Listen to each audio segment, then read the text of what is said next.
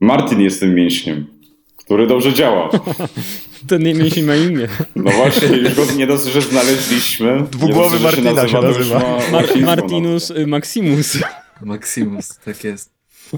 E, wiecie co?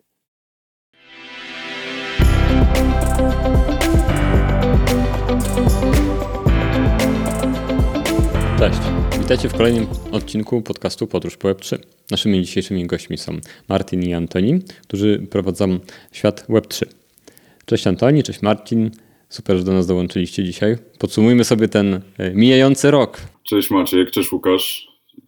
Dzięki wielkie za zaproszenie. To powiedzcie, czym się zajmujecie i dopiero wtedy sobie podsumujemy ten rok. Jasne. Tu Antoni, może będę tutaj tak y, zaczynał od lewej do prawej, bo pierwszy raz też dla naszych słuchaczy nagrywamy w czwórkę i musimy się tego nauczyć, także e, Antoni, to, to, to, to zacznij pierwszy. Dobra. Na co dzień pracuję w e-commerce.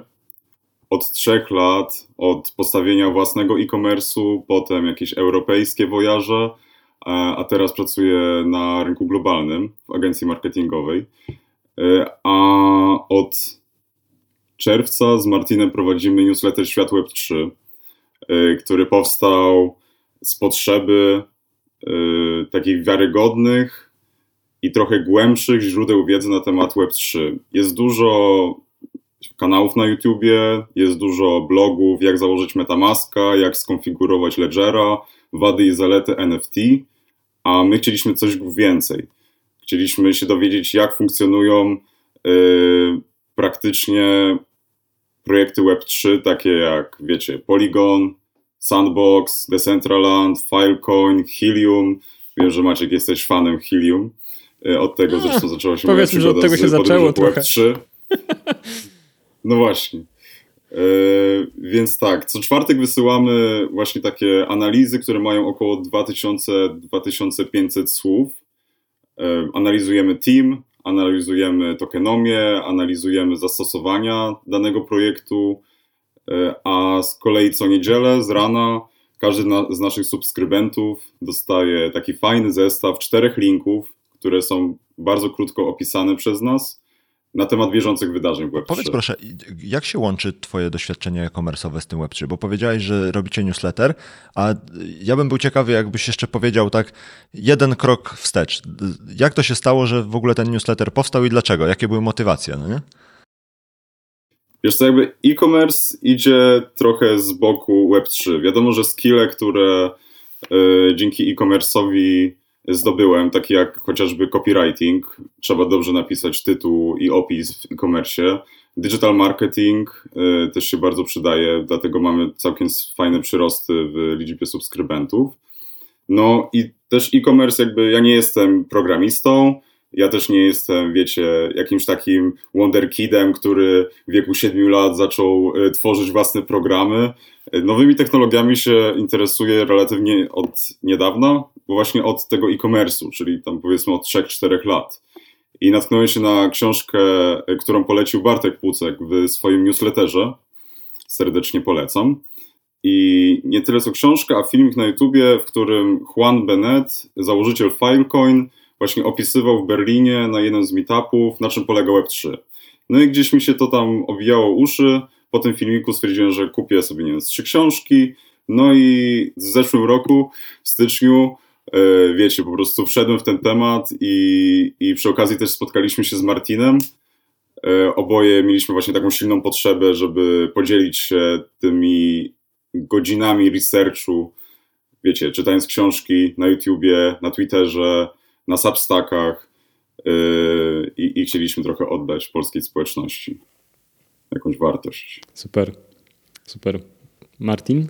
U mnie moja praca zawodowa nie jest totalnie związana powiedzmy ze światem krypto, bo no i powiedzmy jeszcze do końca tego roku jestem team liderem w zespole windykacji na Szwajcarii, więc to się nie za bardzo wiąże ze światem krypto, ale powiedzmy... No, zależy. E, w sumie po tych aktualnych w tym roku to by, byłoby dużo różnych e, instytucji czy też osób do windykacji, więc może tutaj w sumie tak, fajny projekt. Ale ja byłem bardziej z krypto związany tak powiedzmy bardziej naukowo i przez przypadek, bo zaczęło się tak mm, około 5 lat temu, kiedy mój wujek był, e, powiedzmy, wciągnął się w trading i pokazał mi wtedy wówczas jeszcze pierwszą walutę, czyli XRP Ripple i jak po prostu zarabia na tym pieniądze, tak? Więc na samym początku wkręciłem się w trading. Ja jestem zagorzałym fanem analizy e, technicznej, no może tutaj Rafał Zaorski, jak oglądasz, to pozdrawiam. E, ale w pewnym momencie też stwierdziłem, że no niestety AT nie zawsze jest stuprocentowe i trzeba go czymś troszeczkę wesprzeć. No i oczywiście tutaj analiza fundamentalna, tak? Więc w momencie, kiedy robiłem jakiś research na temat jakiejś waluty czy, czy innego, powiedzmy, aktywa, stwierdziłem, no kurczę, fajnie by to jeszcze tak jakby lepiej opisać. No i tak samo właśnie tutaj, jak Antoni już wcześniej mówił, doszliśmy do wspólnego wniosku, że fajnie by było zrobić coś na rynek polski, fajnie by tworzyć właśnie materiały edukacyjne, bo naszym celem jest właśnie w pierwszej kolejności edukować ludzi tak troszeczkę bardziej, oczywiście tych, którzy są w krypto już trochę więcej, wiedzą co to jest ledger przykładowo, E, żeby im po prostu dawać coraz więcej to in, informacji takich szczegółowych, no ale powiedzmy w takiej pigułce, prawda? No jednak 10 minut każdego dnia e, ktoś tam raczej wygospodaruje, żeby przeczytać jeden artykuł i dowiedzieć się więcej o tych artykułach.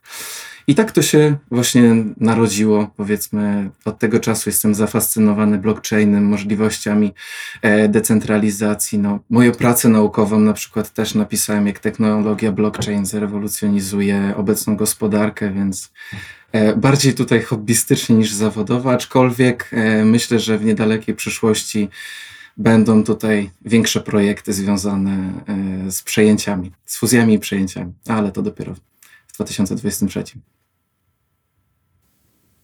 Spoko, to dzięki, dzięki wielkie i tak jak trochę was słucham, to y, tutaj e, ideały zbieżne, no bo my też z Łukaszem wystartowaliśmy z podcastem, e, a nie, nie z newsletterem.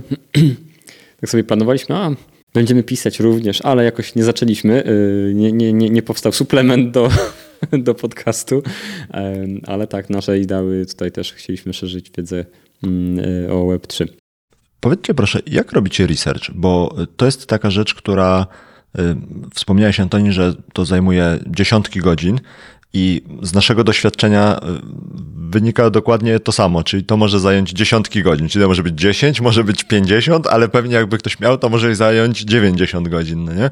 Y, jak podchodzicie do tego tematu, żeby jednak co tydzień coś dostarczyć, a z drugiej strony, no żeby to nie było tylko przeczytanie, wiecie, nagłówków na stronie projektu i koniec, nie? Przede wszystkim jest nas dwóch, więc każdy z nas ma dwa tygodnie na ten research, a następnie napisanie, proofreading, wstawienie tego, sformatowanie, bo to nie tylko opiera się na researchu. Ale odpowiadając na bezpośrednio na Twoje pytanie, yy, może Martin potem coś dodasz, bo w sumie każdy z nas ma swój sposób na, na copywriting. E, ale jeżeli mamy jakiś duży projekt, taki jak Chainlink Polkadot, który ma wiele lat i wiele zastosowań, no to wiadomo, że na początku sprawdzam jakieś źródła wtórne, czyli może pojawiła się analiza w Noteboring, może ktoś zrobił na ten temat podcast, następnie wbijam na ich stronę, na której najczęściej im lepszy projekt, tym mają fajniej opisane zarówno technologię, jak i model biznesowy e, i przyszłość projektu. E, no i potem kończę na danych on-chain, jeżeli one są dostępne. E, dla wszystkich, którzy albo inwestują, albo po prostu pasjonują się Web3, bardzo polecam trzy portale. Po pierwsze Token Terminal, po drugie DeFi Lama, a po trzecie Messari. I Trzeba trochę w nich pogrzebać, ponieważ jest wiele danych. Jednakże, jeżeli chcesz znaleźć, nie wiem, na przykład, y, jakie, jaka była wartość prowizji y, per blockchain w 2022 roku, to dowiesz się z tych platform. Więc staramy się potem to jakoś kompilować i nie chcemy też przedstawiać suchych faktów. Wydaje mi się, że wraz z kolejnymi wpisami mamy coraz lepszą umiejętność przekazywania tej technologii za pomocą metafor, analogii. E, wiecie, ja porównałem Polkadot do Unii Europejskiej, e, co wydawało mi się, e, co umożliwiło lepsze zrozumienie tego projektu. Filecoin porównałem do AWS-a, także te porównania ułatwiają jakby zrozumienie koru potem projektu. Tak więc tak wygląda u mnie research. Martin, chciałbyś coś dodać? E, u mnie jak najbardziej podobnie korzystamy, wydaje mi się, że z podobnych źródeł, aczkolwiek u mnie to e, jest troszeczkę odwrócona kolejność. Mianowicie ja zawsze zaczynam od white paperu i oficjalnych źródeł, powiedzmy, danego projektu. Czyli zakładając, że analizowałbym tutaj projekt X, najpierw wchodzę na ich stronę, czytam ich white paper, ich media, Twitter tutaj na przykład też jest całkiem fajnym e, medium, gdzie można skorzystać z dodatkowych informacji. Też wiadomo, jak to w formie Twittera są one bardziej w takich e, krótszych e, formach napisane, więc to też jest fajna opcja. Dodatkowo, jako takie jeszcze inne źródło, LinkedIn. LinkedIn ostatnio bardzo mocno nabiera na znaczeniu w takich powiedzmy zawodowych kwestiach, ale też jeżeli ktoś chce sprawdzić więcej tych informacji, tutaj też można do tego sięgnąć. Tylko ja właśnie mam taką powiedzmy inną, że ja od samego początku najpierw badam e, sam, sam projekt z ich tych jakby pierwotnych źródeł. No, wydaje mi się, że white paper jest tutaj jedną z najważniejszych, powiedzmy, e, takich, takich fundamentów, które trzeba znać, no, żeby tak naprawdę o czymś pisać, tak? No, white papery są zawsze tymi źródłami, które produkują e, te, te informacje, pokazują misję, wizję firmy, e, w którym będzie się rozwijać, czy tam projektu. Martin, a powiedz, e, trochę to tak wygląda, jakbyście szli spotykali się w połowie, nie? Z Antonim. E, od dwóch stron e, zaczynacie, a to jest tak, że wy opisujecie dany projekt we dwójkę, ten sam z dwóch. No wiesz, ty, ty swoją jakby pracę wykonujesz, Antoni swoją, czy wymieniacie się projektem na zakładkę? Znaczy nie, nie, nie projektem, tylko robicie to na, na zakładkę? Tak, robimy to właśnie na zakładkę, że w jednym tygodniu publikuję ja cały e, na przykład artykuł i dopiero e, w następnym tygodniu e, Antoni wybiera swój projekt i robi go tak jakby na swój sposób, z czego też można po prostu wywnioskować też inne style pisania, gdzie to na pewno można dostrzec, że, że nasze języki są troszeczkę inne. I może troszeczkę jakby oczywiście dążymy do ujednolicenia tej naszej formy, ale mamy powiedzmy takie swoje smaczki, każdy jakieś tam swoje swoje dodatkowe kwestie e, inaczej dodaje. Ja myślę, że to warte jest zachowania, żeby mieć e, dwie, dwa style, e, takie autentyczne niż żeby to gdzieś tam ujednolicać na siłę. Ale powiedz jeszcze, bo to mnie zaciekawiło, co Antoni mówi. Pod, pod, kątem tego, że y, sprawdzacie, czy dane wiesz, źródłowe zgadzają się z tymi wtórnymi opracowaniami. Ja się z tym powiedzmy spotkałem w takim jak robiliśmy z Łukaszem e, analizę kosmosu, to ja zrobiłem dru, dru, drugą fazę analizy kosmosu, że tak powiem.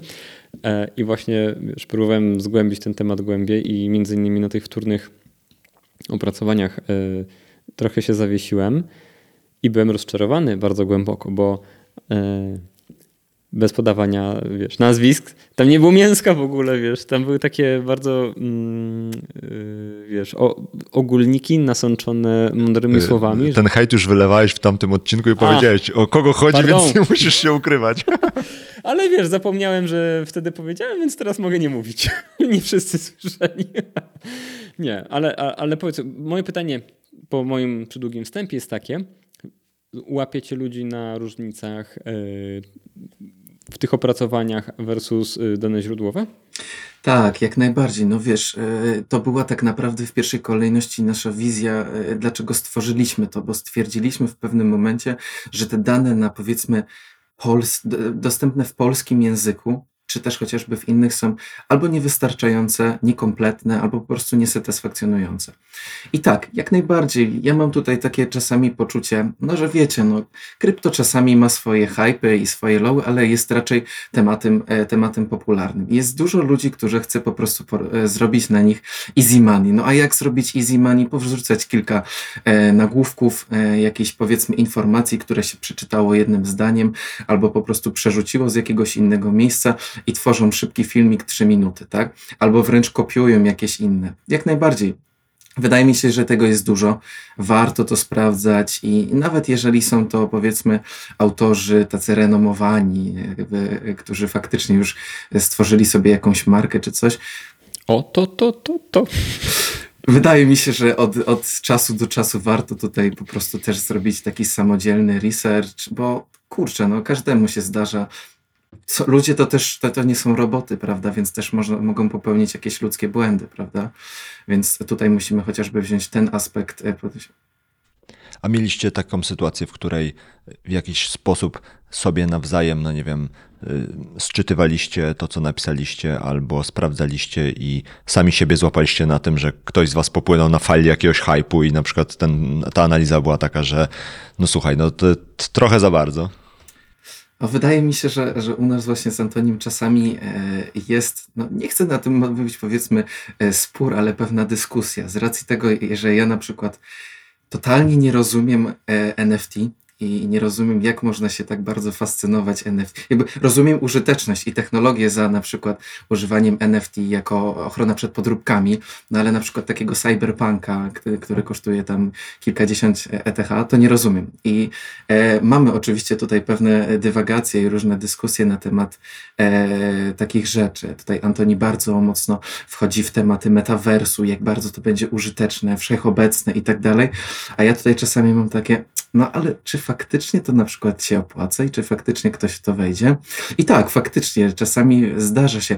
Wiecie, no to też jest taki aspekt psychologiczny, że jeżeli siedzisz w jednym temacie, to naturalnie po prostu te informacje na ciebie napływają, wkręcasz się, wkręcasz się w to i staje się to po prostu taką twoją, taką jakby na to nazwać, taką nieskazaną mantrą, prawda?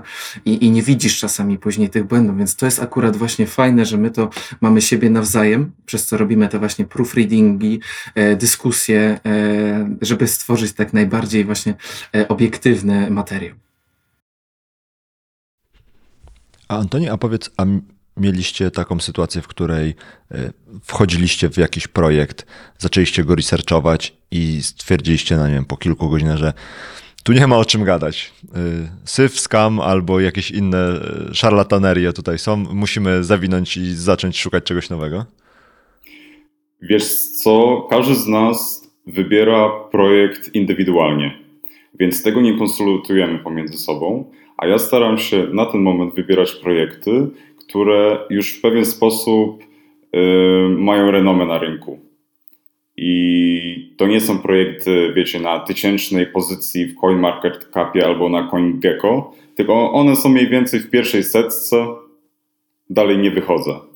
Y, oczywiście, jak to może się okazać, y, albo pan Dokłon, albo pan SBF przyjdzie i tą renomę wyrzuca do kosza, ale nie miałem jeszcze takiej zawrotki, że ten chaining to jest scam i, i w ogóle w niego nie wchodzimy.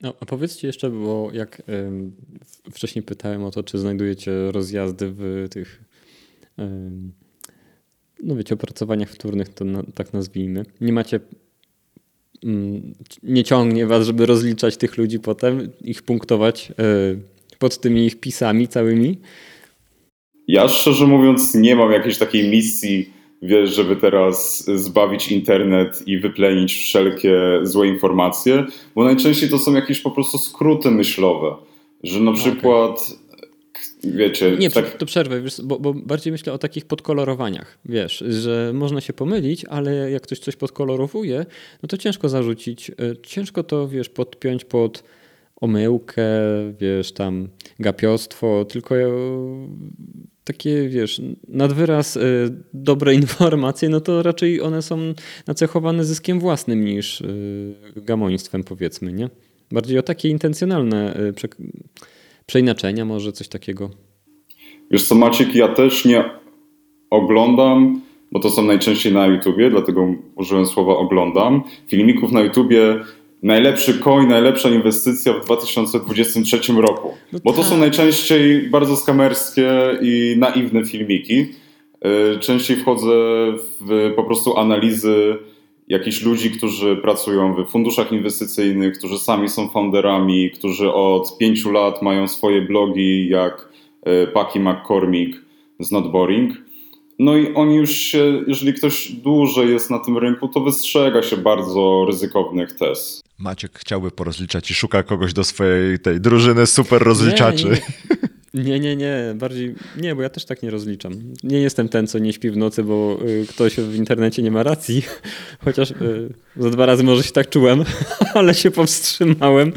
Dlatego tu jeszcze siedzę na przykład, ale nie, bardziej mi chodziło o, o to, że jak wy robicie te analizy, a na, opieracie się na źródłach, to jak znajdziecie na przykład gdzieś rozjazd, to czy nie, e, nie, nie, nie kusi was zrobienie jakiejś, wiecie, e, wysłania raty na przykład, ale, ale spoko, to nie będę drążył, ale nie mam ochoty też nikogo rozliczać, także jest dużo, dużo ciekawych zajęć, którymi można się zająć niż rozliczaniem innych. A powiedzcie proszę, a no, bo powiedziałeś Antoni, że ty patrzysz na pierwszą setkę CoinMarketCapa. Podejrzewam Martin, że ty też raczej nie zapuszczasz się gdzieś w regiony tam 250 e, plus albo coś takiego. Zapuszczam. O to super. To, to jak wybieracie? E, ja właśnie ostatnio już powiedzmy e, miałem pewien kryzys w pewnym momencie, bo tak właśnie usiadłem pewnego sobotniego wieczoru i dobra, muszę znaleźć jakiś temat na następny artykuł. Okej, okay, to już robiłem, to każdy zna, to jest nudne, to upadło. Co by tutaj zrobić? No i właśnie zrobiłem taki eksperyment i no, przeleciałem właśnie na CoinGecko te pierwsze trzy strony, czwartą stronę. No i właśnie tam mamy takie rankingi 400, 300 i tak dalej, gdzie można znaleźć bardzo fajne projekty, tak zwane gemsy. W społeczności e, traderów na nie mówi się gemy właśnie, bo mogą bardzo duże returny e, wywołać. Dużo z nich, oczywiście, tutaj większość, 95% mógłbym nawet powiedzieć, są to po prostu jakieś syfy, gdzie mm, małolat, małolaci po prostu sobie zbudowali blockchaina, skopiowali dosłownie kod z Bitcoin albo z czegoś innego i inaczej to nazwali, tak? Ale każdy finalnie projekt w jakimś momencie musiał być mały. Ostatnio właśnie natrafiłem i co będzie e, właśnie przedmiotem następnego artykułu o bardzo fajnej, fajny firma, projekt e, z Indii, która będzie zajmować się e, robieniem blockchaina specjalnie medycznego, gdzie będą wszystkie dane medyczne już jakby uzupełniane, wprowadzane, tak żeby usprawnić powiedzmy wymianę informacji w świecie medycznym. No i on jest aktualnie na miejscu, no bodajże pomiędzy 300 a 400, nie pamiętam dokładnie. Więc moim zdaniem czasami warto też tam się e, zapuścić. Oczywiście jest to o wiele trudniejsze, tak? Bo większość z tego to są rzeczy, no powiedzmy wątpliwe, no ale między nich e, może znaleźć się jakiś diament, prawda? A nie boisz się takiej sytuacji, w której e, zobaczysz właśnie taki projekt, który wydaje się być ukrytym diamentem, opiszesz go i za pół roku okaże się, że tam, nie wiem, kuzyn Dokłona prowadził ten projekt i generalnie cała kasa inwestorów poszła z dymem i parę ludzi zostało na, przy okazji naciągniętych. A jak to są dane medyczne, to jeszcze są te wszystkie zagrożenia związane z tym, że nie daj Boże wdrożyli to w jakiejś placówce medycznej i te dane wypłynęły. Nie boisz się, że potem będziesz miał taki wyrzut sumienia, że dałeś się omamić albo coś w tym stylu? No bardzo dobry przykład właśnie z tymi medycznymi danymi. Tak, no jak no, czy, czy to jest obawa? Jest to pewne ryzyko, tak, które, które po prostu niesie ze sobą e, e, nasza aktywność mogę się powiedzmy tutaj przyznać tutaj z otwartym sercem, że no pierwszy artykuł, który napisałem na podstawie Quantstampa, który e, wydawał mi się bardzo dobrym projektem, super dobra wizja, tutaj miało audyty blockchaina i po prostu gwarantowanie bezpieczeństwa. Finalnie dowiedziałem się jakieś pół roku temu, że został ściągnięty z Binance'a, że już nie można po prostu tradować e, e, tą, tą ich walutą. I finalnie projekt prawdopodobnie w najbliższym czasie umrze, chyba że ktoś go tam nieźle zrewitalizuje więc wydaje mi się tak, to jest pewne ryzyko, które nie jest e, tutaj e, powiązane z tym, co robimy, z każdym projektem, który szukamy. Oczywiście te rzeczy, które piszemy, są też jak bardzo byśmy się nie starali być obiektywnymi, są subiektywne, tak? To są nasze odczucia, nasze przemyślenia i nasza wizja. Więc każdy może tutaj popełnić błąd, ale oczywiście nasza, naszą wizją jest przedstawienie, wiecie, takiej pigułki. Jeżeli ktoś chciałby tutaj e, bardziej wejść w temat, no to tutaj też jest jego rola, żeby e, e, te stuprocentowo dowiedzieć się, tak? Bo no niestety w 13 minutach, bo na tyle e, po prostu celujemy w ten czas czytania, nie da się przekazać wszystkich informacji. Czy ja dobrze czuję taką dynamikę, że e, Antoni, ty jesteś tym, który bardziej te takie mm, ustabilizowane i takie bardziej renomowane, duże, grube projekty, takie enterprise'y świata e, Web3 oglądasz i nim się przypatrujesz, a Martin jesteś tym od wyszukiwania e, małych i średnich spółek na New Connectie, które e, dopiero mają szansę zostać tymi dużymi, to tak trochę rysuje się ta dynamika u was? Nigdy pod tym kątem nie patrzyliśmy na naszą współpracę, ale Łukasz mogłeś teraz nam zapodać E, refleksję e, świeżą i chyba prawdziwą. Bo ja też nie ukrywam, że wiecie, copywriting to jest, to jest ciężki, no można powiedzieć już zawód. U nas to jest takie side hustle nadal, e, ale gdy masz już stabilny projekt, znowu posłużę się przykładem Chainlinka, to po prostu łatwiej się to pisze, bo masz więcej informacji. Ostatnio pisał u nas artykuł Kuba Górski. Y, w styczniu pojawi się trzeci wpis od niego, jego autorstwa. No i on ostatnio analizował projekt IOTA. To jest sieć blockchain, która jest głównie używana w Internet of Things. No i on natknął się na ten problem, pomimo tego, że projekt jest chyba na 50. miejscu y, na CoinMarketCapie, że oni nie mają aż tak dużo informacji na swojej stronie i miał bardzo duży problem, żeby je znaleźć. I trochę podkładasz sobie kłody pod nogi. Yy, wyszukiwaniem może takich turboniszowych projektów, jak możesz w równie ciekawy sposób opisać coś o lepszej renomie. Incentive do pisania newslettera, który jest darmowy i napędzany, jak rozumiem, w przyszłości reklamami, no bo zapowiadaliście to w ostatnim, e, ostatnim albo jednym z ostatnich e, wydań, no jest taki, żeby optymalizować czas poświęcony na pisanie. I teraz najłatwiej optymalizować ten czas albo szybciej pisząc, albo biorąc projekty, które są dobrze opisane i po prostu nie trzeba tam przekopywać się gdzieś super głęboko, no nie? zastanawiam się, czy, czy macie jakiś taki jakąś taką wizję albo taki plan tego, że jednak mimo wszystko będziemy się motywować, żeby co jakiś czas zanurkować głębiej i mimo, że to kosztuje dużo więcej czasu i energii, to jednak za, tam próbować coś wygrzebać, a nie tylko opisywać te wszystkie rzeczy, które piszą i, inni jakby są. No bo wiecie, no Kosmos my też zrobiliśmy między innymi dlatego, że zrobiło się o nich głośno. No nie, jakby się o nich nie zrobiło głośno, to pewnie nigdy byśmy go nie wybrali. Wy też opisywaliście Kosmos, to nie pewnie z tego samego względu, że on po jakimś czasie y, wrócił na tapetę, jest ciekawym projektem. Nie, nie do końca?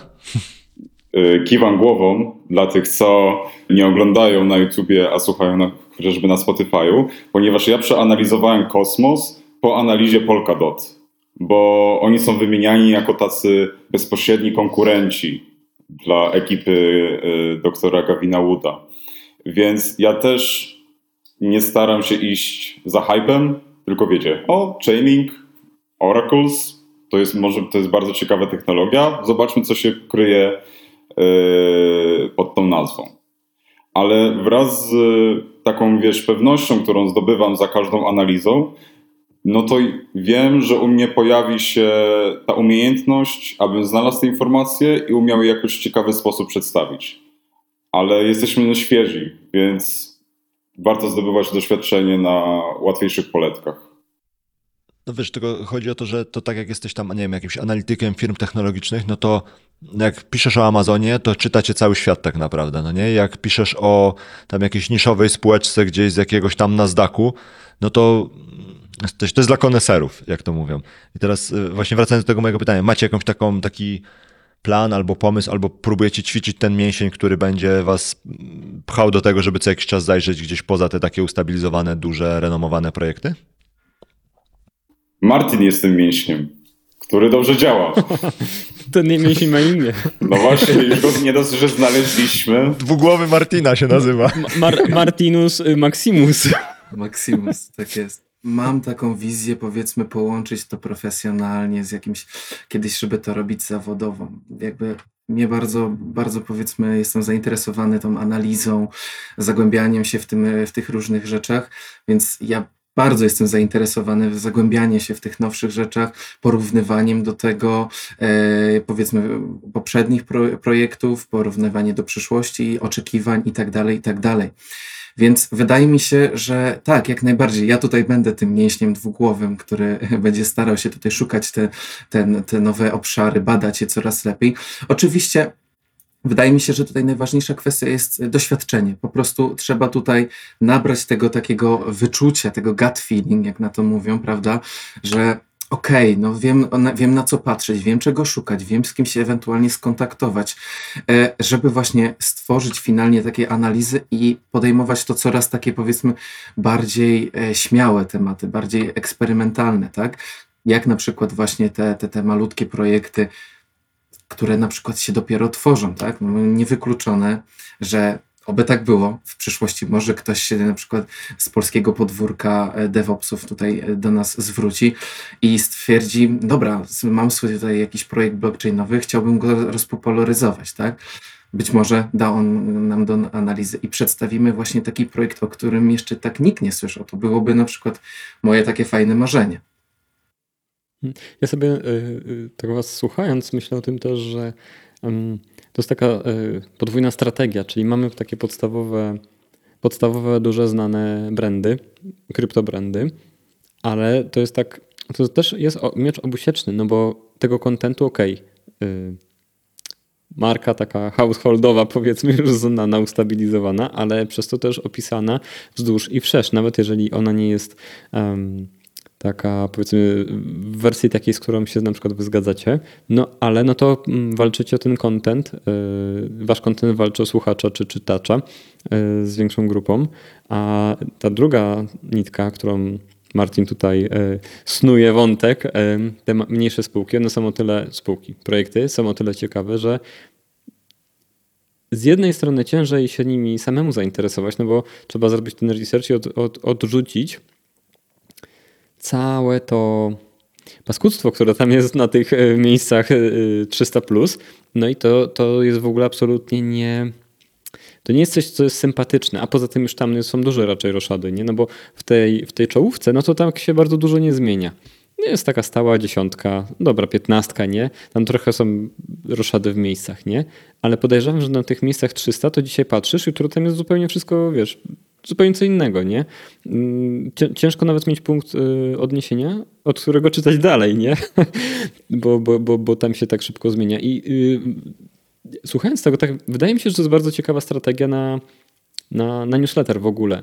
Z jednej strony podstawowe duże projekty, z drugiej szukanie perełek po prostu, bo też wasz newsletter jest takim, takim medium, platformą, gdzie no, jest pchany do skrzynek po prostu. Więc ktoś siłą rzeczy do, będzie dostawał te opracowania dużych, ale też opracowania małych rzeczy i jest wystawiony na tą legendarną e, w tradingu alfę całą, tak, że, że, że, że będziecie dostarczać tego czegoś, czego samemu, e, co samemu ciężko odkopać. Także ja, ja jestem bardzo ciekawy, jak to się będzie dalej rozwijało. A z takich jeszcze rzeczy a propos e, warsztatu i tego zaglądania mm, tak, tak od kulis, ma, macie jakieś ekosystemy takie, w których czujecie się dobrze albo które z wami jakoś wyjątkowo rezonują i raczej obracacie się wokół nich, czy, czy, czy to jest tak, że cokolwiek wpadnie, to, to, to robicie? Ekosystemy masz na myśli społeczności, w których Web3, w których staramy się działać, czy ekosystemy, projekty, które znamy i, i wyjątkowo nam się spodobały? blockchainów albo jakichś takich, mm, no nie wiem, na zasadzie Oracle albo y, jak się nazywa, bridge. Y, w sensie, czy macie jakieś takie obszary, w których czujecie się mocni, jakby wiecie, że tam zagląda, nie wiem, wszystko na Solanie to od razu y, jest plus 10 do tej rankingu. pozycji w rankingu, kiedy coś o, o, tak opiszę. Wiesz co, ja mam dwa obszary, które bardzo lubię. Pierwsze to są właśnie Oracle, Yy, i napisałem nawet dwa teksty na temat chaining, bo nie starczyło mi jeden, nie starczyło mi miejsca. A drugie to są Decentralized Identities, znane jako skrót DITS. Yy, I tutaj przodującą, przodującymi projektami jest Disco, Bright ID oraz Fractal. I to jest moim zdaniem bardzo ciekawy temat, który wraz z nadchodzącymi regulacjami, o których pewnie będziemy za chwilę rozmawiać w kontekście 2023 roku, będą miały coraz większe znaczenie. Tak więc to są moje dwa obszary, które najbardziej lubię. Ja bym powiedział, że u mnie to jest ten e, świat bardziej finansowy. Jak bardzo bym też nie kochał blockchainu, Web3 i tak dalej, uważam, że większość społeczeństwa nie jest jeszcze na to gotowe i potrzebuje takiego pomostu między tą najbardziej zaawansowaną, powiedzmy, technologią nowoczesną, a tradycyjnym światem. Tutaj w szczególności na przykład w świecie finansów widać to, że banki, instytucje finansowe, fundusze i tak dalej właśnie szukają tego pomostu. Przykładem może być tutaj właśnie XRP Ripple, XLM, czyli Stellar, e, Stellar czyli po prostu te takie rozwiązania, yy, powiedzmy, problem, który pochodzi z branży finansowej, rozwiązany na, za pomocą technologii blockchain. Ja tutaj najbardziej się tym interesuję. Bardzo prężnie też obserwuję e, rozwój e, CBDC, czyli tych walut, powiedzmy, scyfryzowanych, różnych gospodarek. No i osobiste, ostatnie takie, powiedzmy, to jest branża muzyczna. Tutaj bardzo polecam Audiusa, który mam nadzieję, że w najbliższym czasie zbije Spotify z hierarchii. Musimy zdefiniować, co znaczy najbliższy czas, bo to, to może okienko tutaj być ważne. No to myślę, że to będzie bardzo trudne, bo Spotify czy, czy chociażby Apple Music jest tutaj no, tak ogromnym graczem, monarchą, można by też powiedzieć, e, że, że musi na, na, w pierwszej kolejności musi to się wiązać z większą adopcją krypto i żeby ludzie zauważyli, jakie korzyści to ze sobą niesie. E, a finalnie wydaje mi się, że każdy później do tego dojdzie, bo ma to po prostu o wiele lepsze przełożenie na taką użyteczność. O wiele lepiej zarabiają na tym artyści, o wiele lepiej e, zarabiają na tym słuchacze, więcej korzyści na podstawie e, zarządzania. Tam są takie elementy DAO, zarządzanie artystą, wspomaganie go i tak dalej, i tak dalej. Finalnie, jak spojrzymy tam na te zarobki na Spotify, e, ci artyści finalnie otrzymują jakiś ułamek procentów, tak? Tak samo było wcześniej przy dystrybucji różnych płyt, tak? Wielkie wydawnictwa też finalnie oddawały jeżeli dobrze pamiętam, to jest w okolicy 10 do 15% z całej sprzedaży powiedzmy jakiegoś albumu trafia do samego artysty, więc ta marża tych, tych, tych wydawców jest ogromna. Fajnie jakby to tak jakby troszeczkę bardziej e, rozwinąć, zdecentralizować, ta, ta romantyczna wizja całego Web3, prawda? Pilnuję się, żeby tutaj nie wejść w dyskusję, bo chciałem jeszcze chwilę porozmawiać o waszym newsletterze, a, a utoniemy w dyskusję na ten temat. Więc tak jeszcze a propos newslettera, zanim przejdziemy do takich kwestii podsumowania y, predykcyjnych, Powiedzcie proszę, jaki jest plan na ten najbliższy rok? No bo zakładam, tak słuchając was, że no, raczej jesteście z tych, co planują, niż idą na żywioł, tak na zasadzie, dobra, od tam, od czwartku do czwartku będziemy teraz żyć. Y, więc powiedzcie proszę, jakie są plany takie najbliższe co planujecie albo opisać, albo też tak pod kątem biznesowo-strategicznym, może jakieś zmiany? Uchylcie rąbka tajemnic. Wiesz co, przede wszystkim od stycznia, tak jak ja poinformowałem na LinkedInie oraz poinformowaliśmy na naszym newsletterze, będziemy szukali partnera finansowego. I mówiąc wprost, y, my do dnia dzisiejszego nie uzyskaliśmy żadnego przychodu ze newslettera. I było to jakby częścią naszego planu, ponieważ wiecie, nie chcieliśmy się skupiać e, na tym, żeby monetyzować coś za 300 zł, chcieliśmy się skupiać na najlepszym kontencie, który możemy razem stworzyć z Martinem.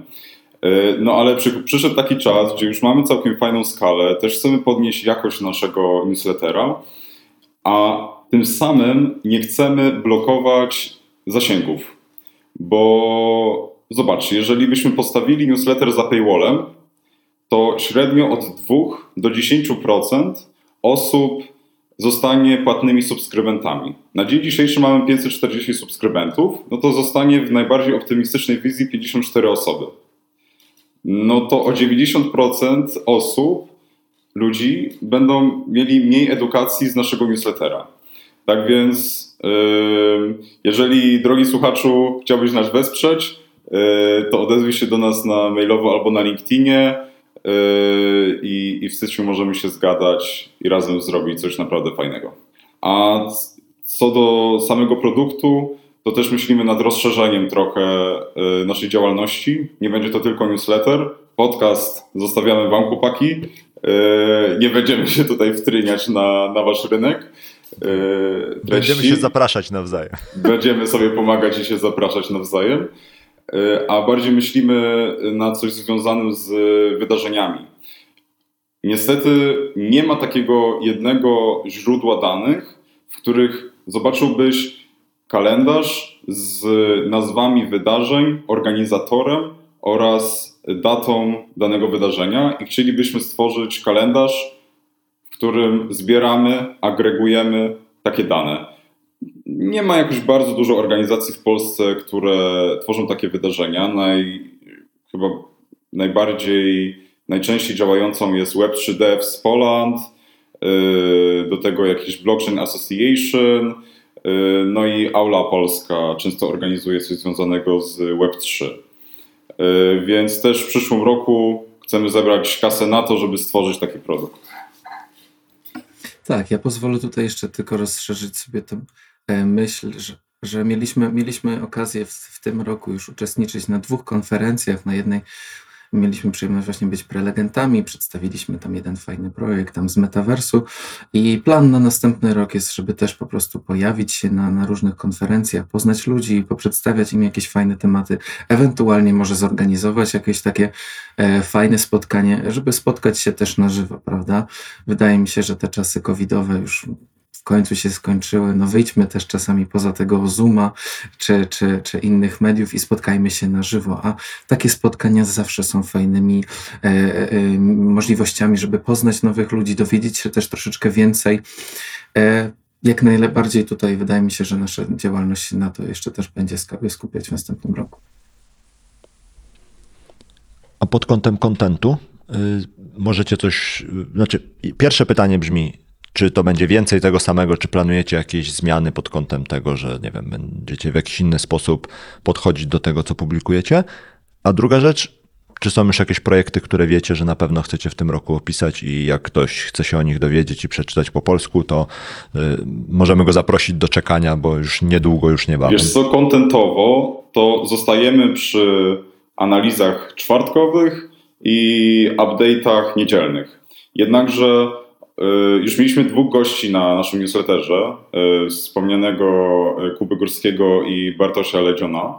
I w przyszłym roku gości będzie jeszcze więcej.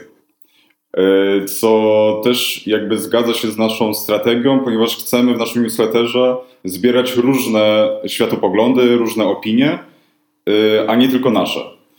Uważam, że to jak rozszerzy wartość samego świata Web3. A co do tematów, Przepraszam, czy to dobrze rozumiem, że goście będą jednak tymi, którzy opisują jakieś projekty, tak? W sensie to po to będą ci goście? Kuba Górski opisał dotychczas e, dwa projekty, a Bartosz z kolei, e, on jest researcherem nowych technologii e, i on opisał user experience na rynku NFT w raporcie. No i on w ramach naszego newslettera przedstawił najważniejsze wnioski, najważniejsze dane, z oczywiście podlinkowanym raportem. Więc to nie zawsze musi być projekt Web3. Martin też kiedyś opisał stablecoiny, rodzaje stablecoinów, czym one się różnią, jakie są zastosowania, albo opisał adopcję krypto na świecie. Trzymamy się tych projektów, bo one w pewien sposób ograniczają tematykę, co wnosi yy, głębokość analizy, ale jeżeli ktoś na przykład, yy, nie wiem, zna się na on-rampie, i chciałby opisać różne produkty, jak e, inne firmy do tego podchodzą e, i chciałby opisać to w naszym newsletterze, no to przyjmiemy go z otwartymi ramionami. A pod kątem projektów, które planujecie w najbliższym czasie, coś możecie zdradzić? Martin, spoileruj, bo ja jeszcze nie mam planów, szczerze mówiąc. Jeszcze jedną kwestię tutaj, e, Łukasz. E, dobrze, że podkreśliłeś, że w języku polskim, otóż jest też taka myśl, żeby może w następnym roku e, tutaj się uaktywnić bardziej na arenie międzynarodowej. I z racji tego, że mamy już całkiem dobrą bazę artykułów, różnych e, rzeczy, które stworzyliśmy w języku polskim. Wydaje mi się, że przetłumaczenie to na język angielski, którym posługujemy się oboje całkiem, całkiem nieźle, e, czy na język niemiecki, który jest mi troszeczkę bardziej bliższy, też by było takim e, etapem rozwoju. Tutaj jeszcze mamy powiedzmy takie rozważania, jak, czy, czy, czy po prostu będąc w Warszawie, bo gdzie na co dzień po prostu jesteśmy, czy, czy miałoby to sens, tak? Czy, czy, czy mielibyśmy takie same zasięgi, osiąg osiągnięcia i popularność? Czy miałoby to po prostu tak, tak samo dobry sens, e, aniżeli tylko skupiać się na języku polskim? Jeżeli chodzi o taki powiedzmy exclusive content i jakby to, co może być w następnym roku, jest też plan, żeby stworzyć taki jakby mini segmencing, który będzie się tak jakby troszeczkę odwoływał, odwoływał do inwestowania. No, ja tutaj bardzo interesuje się analizą techniczną i chcemy może, myślimy bardzo poważnie na tym, żeby raz na jakiś czas e, opublikować jakąś na przykład analizę pod względem inwestycyjnym, czy też rozwoju ceny. Oczywiście nie będą to żadne e, porady inwestycyjne, no bo niestety... Właśnie. Macie kancelarię?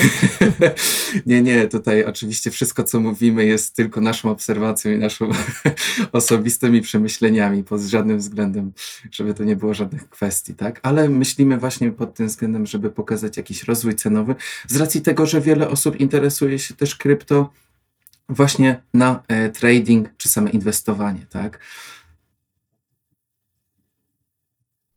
Okej. Okay. Panowie, czy jest coś o newsletterze, o co nie zapytaliśmy, gdzie nie zajrzeliśmy, a coś, co jeszcze chcielibyście powiedzieć, zanim przejdziemy do sekcji y, kończy się rok, zaczyna się rok? Zajrzeliście wszędzie, gdzie tylko można. Chyba nikt nas nie wypytał i gdzie nie można. e, więc przechodźmy, słuchajcie, do 2022 Dobra. roku, bo się działo. Właśnie, Antoni, powiedziałeś, że masz trochę ciekawych rzeczy wygrzebanych, to może zacznijmy od nich, bo tak powiem ci, że y, siedzę i czekam, co tam przyniosłeś, bo zaciekawiłeś nas przed nagraniem. Jasne. E, ja znalazłem bardzo zaskakujące, przynajmniej dla mnie, e, dane na temat Y, fees, prowizji y, per blockchain. Tutaj no, niekwestionowanym liderem jest Ethereum, y, który dzięki prowizjom zdobył 4,5 miliarda dolców. Drugi jest Binance, co może być lekko niepokojące z uwagi na monopolizację rynku przez pana CZ lub jak to mówi się na tym podcaście 3. E, trzeci to jest Bitcoin, czwarty Avalanche, Avalanche i tutaj duże zaskoczenie, piąta i szósta pozycja Filecoin i szósty Helium w tym roku. Nie spodziewałem się totalnie, że tak bardzo wyspecjalizowane chainy będą miały aż tak wysokie prowizje. Że takie wyspecjalizowane chainy tak jak Helium specjalizuje się w IoT, e, Filecoin się specjalizuje w data storage. Kto wie, może to one będą miały, e, wiecie, ten hype, który wywodzi się z prawdziwej użyteczności. Myślisz, że taką takim realnym też wnioskiem z tego, co przeczytałeś, jest to, że po prostu cała masa tych projektów, które mają bardzo dużo hypu, one po prostu nie generują pieniędzy, więc one długofalowo są, jakby nie mają szansy się utrzymać, jeżeli nie znajdą jakiegoś sposobu na monetyzację? W sensie, no Polygon na przykład nie mógłby się znaleźć w pierwszej piątce, no bo jego strategią, jego głównym walorem są niskie opłaty, prawda? Yy, więc ale z czegoś musi żyć, no nie? Z czegoś musi żyć, więc też sobie dzisiaj przed podcastem tak myślałem, że z czego oni będą w sumie żyć, bo przychodowo, no to to, jest, to, to nie są jakieś yy, imponujące wyniki. Wiecie, nawet szósta pozycja Helium 32 miliony dolarów, no to wiecie, w skali globalnej to nie są jakieś niesamowite pieniądze a jednak utrzymują się. No ale wiesz, to jeszcze jest kwestia taka, że biorąc pod uwagę, że w części tych projektów duża część środków idzie do powiedzmy walidatorów, czy do górników, czy do kogoś takiego, no to okazuje się, że te zespoły, które stoją za tymi projektami, one mogą być po prostu w przededniu upadku. To znaczy, moja jakaś taka, no nie wiem, jakbym miał rzucać jakąś predykcją, to jest to, że część z tych projektów, jeżeli nie zbierze finansowania w 2023 roku od funduszy VC, to albo wydrukują tokeny z powietrza, co widzieliśmy już w tym roku, albo y, po prostu się położą, bo nie będą miały z czego funkcjonować, no bo no, nikt za darmo nie będzie tych projektów robił, no chyba, że przejdą do jakiegoś open source'a i będą liczyli na to, że community samo to zrobi. No, ciekawa obserwacja. W sumie nigdy o tym nie myślałem A nie w ten było żadnej informacji o OpenSea? No właśnie, bo tutaj były prowizje per chain A mamy jeszcze zdecentralizowane aplikacje, D-Apps i troszeczkę ten ranking inaczej wygląda. Mam również te dane, więc już zaspokajam Waszą ciekawość. E, Ethereum jest na pierwszym miejscu, nadal 4,5 miliarda. OpenSea, Martin, który wspomniałeś, 1,7 miliarda. Uniswap 829 milionów. LuxRare i znowu Binance Smart Chain. E, więc tutaj mamy trzy aplikacje i dwa chainy w pierwszej piątce. Co też może dawać do myślenia. Szczerze mówiąc, na przykład dla mnie to nie jest tak jakby zaskakujące. Na przykład Binance, tak? Z czego, z czego żyje Binance jako chain? BNB jest używany jako, jako reduktor, powiedzmy, FIS-ów za, za trading, tak? Każda, każda pozycja, którą otwierasz, zamykasz, e, wiąże się z jakimś, e, jakąś opłatą, którą pobierasz. Jeżeli nie używasz waluty, powiedzmy, którą tradujesz, używasz BNB. Stąd musimy tutaj wziąć e, ilość użytkowników Binance'a, która jeżeli dobrze pamiętam, to ma 70% e, udziału w rynku po prostu giełd, tak? Co po prostu stanowić już tak ogromną część tych różnych FIS-ów, które są oczywiście, one są minimalne, 0,01% za jakąś tam transakcję, to, to my tego nawet nie odczujemy, tak? Ale jeżeli porównasz sobie to skalę, ile osób z tego korzysta, mamy tutaj kolejny taki wynik Wydaje mi się, że tutaj największą, e, nad czym musimy tutaj powiedzmy się rozważać e, w kontekście tego, tej przyszłości, to po prostu użyteczność e, danego produktu plus popularność, tak? No okej, okay, mamy różne giełdy, krakeny, hobby i tak dalej, i tak dalej, no ale dalej zdecydowanie ten Binance dominuje i w najbliższym czasie nic nie wskazuje na to, e, aby to się miało zmienić. Więc wręcz przeciwnie, po, po ostatnich e, upadkach i tak dalej, ich pozycja się umacnia. E, druga kwestia właśnie tych na tych DeFi, czyli tak, znowu mamy tutaj projekty o ogromnej użyteczności OpenSea. Właśnie dzisiaj czytałem, że słuchajcie, NFT, jeden NFT, który miał największą wartość, 60 milionów dolarów. No, chora kwestia, tak? Czyli nawet jeżeli pobiorą z tego jakąś tam prowizję 1%, jaki to już jest zysk, prawda? Ale to też wpływa na to, że te projekty są mało stabilne pod kątem przewidywalności, jeśli chodzi o mm, przychodowość. No nie? No to jest też problem Coinbase'a y, i wszystkich giełd, że jak jest duży obrót i dużo się dzieje, to wtedy oni zarabiają mnóstwo pieniędzy. Jeżeli jest Bessa albo projekty tanieją, NFT nie sprzedają się po 60 baniek, tylko po 6 zł, no to ich przychody kurczą się 90% albo i więcej. I teraz wydaje mi się, że to, co pokazał ten zeszły rok, tak nawiązując do, do tego, o czym rozmawiamy, to jest też to, że nie ma jeszcze dobrych modeli biznesowych, póki co, w zaryzykowałbym stwierdzenie w 99% przypadków projektów w świecie Web3. To znaczy, ten rok pokazał, że jak jest odpływ, to faktycznie większość z tych projektów wpływa bez spodni, czy tam bez majtek, jak mawiał pan Warren Buffett, bo żyły z tego, że był hype, że wszystko było drogie i ucinały prowizję na albo na ilości małą prowizję, albo dużą prowizję, ale za drogie rzeczy. Więc y, wydaje mi się, że to, to pokazał zeszły rok, że, że nie ma modeli biznesowych takich, które by były takie sustainable, no nie? Tylko jedną myśl pozwól, e, że właśnie e, wiadomo, ten rok był tragiczny pod tym względem, e, pod względem upadków, różnych afer, skandali i tak dalej, ale moim zdaniem ma to jedną pozyty jeden pozytywny aspekt. Mianowicie teraz większość osób będzie bardziej zwracać na to uwagę. Powstaną dodatkowe mechanizmy, jak ten na przykład proof of reserves, tak? Czyli, że to wszystko stanie się bardziej klarowne, transparentne, aby właśnie zachować tą, tą romantyczną wizję decentralizacji, tak żeby to wszystko mogło e, działać. Więc mi się na przykład tutaj osobiście e, e, wydaje, tutaj takim przejściem z 2022 do 2023, że następny nadchodzący, no w sensie ten rok 2023 będzie rokiem, gdzie rozwój będzie w DeFi, oraz po prostu w takim uwiarygodnianiu um, tych modeli biznesowych, tak? Żeby stworzyć jakieś systemy, pewnie też aspekty prawne, e, ingerencje, nie wiem, różnych e, państw, czy też o, po prostu, żeby to prawo finalnie chroniło tych użytkowników. Ja sobie myślałem o tym, o czym moglibyśmy dzisiaj porozmawiać pod kątem podsumowania mijającego roku.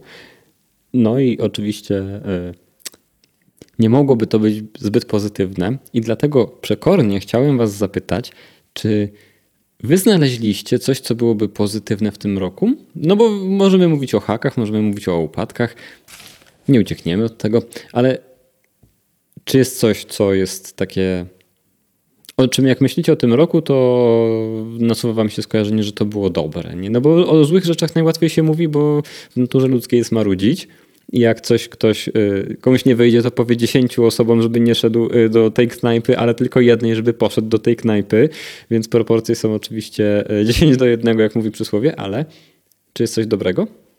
To ja wyróżniam, jak przygotowawszy się do podcastu, wyróżniłem dwie mega fajne rzeczy, które moim zdaniem się zadziały w 2022 roku. I może najpierw zacznę od polskiego poletka myślę, że wielu bardzo. słuchaczy będzie zainteresowane tym tematem. E, powstało wiele bardzo ciekawych organizacji i wytrzymało bear market, również wiele ciekawych organizacji i ciężko nie zacząć od e, Rampa, który działa z tak niesamowitym tempem. W, niedawno zebrał kolejną rundę finansowania. Są na coraz większej ilości rynków.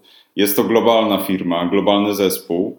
E, a do tego MoonPay, ich chyba bezpośredni konkurent, który również się wywodzi z Polski, próbują rozwiązać ten sam problem. E, chyba I nie również z Polski, Ante. Nie? Jakby... Pracuje dużo Polaków, nie, nie, ale founderzy są skądś indziej. To tak tylko.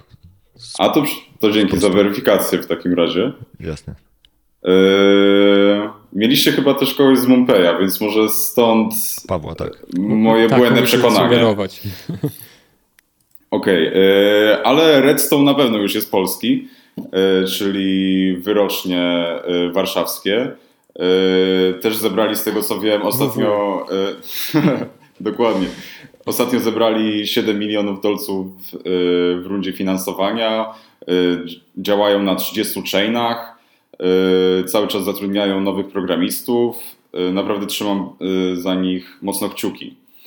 A oprócz produktowych organizacji też wiele powstało edukacyjnych platform. Yy, wasz podcast, nasz newsletter, ale też yy, świetny newsletter, który, którego każdemu polecam, zblokowani. Yy, autorstwa Przemka Trepki, jeżeli się nie mylę. On opisuje nie tyle co Web3, a blockchain, zarówno dla osób może nietechnicznych, jak i samych programistów, ponieważ na końcu opisuje kod. Y, więc, więc może to być ciekawe dla każdego. Y, Web3 Devs powstało w tym roku. Organizacja zrzeszająca 900 osób na Discordzie, organizująca hackatony, organizująca meetupy i naprawdę rozwijająca Web3 w Polsce. Myślę, że wiele, y, wiele jeszcze fajnego mogą stworzyć. E, no i ostatnie Board Founders Club, czyli społeczność stworzona przez Bogusza, e, do której można przystąpić za pomocą zakupu NFT. Tak więc tutaj znowu jakaś nie tylko edukacja samą społecznością, ale też użytecznością NFT-ków. Więc to jest taka jeden jakby rodzaj pozytywnych działań. Pozytyw, że dzieje się dobrze w Polsce. Tak jest. I to trzeba docenić, bo wydaje mi się, mhm. że wiele osób, wiecie, patrzymy gdzieś tam za ocean, co, co robi Coinbase, y, albo w drugą stronę, co robi Binance, a, a, a zapominamy, co, co my robimy.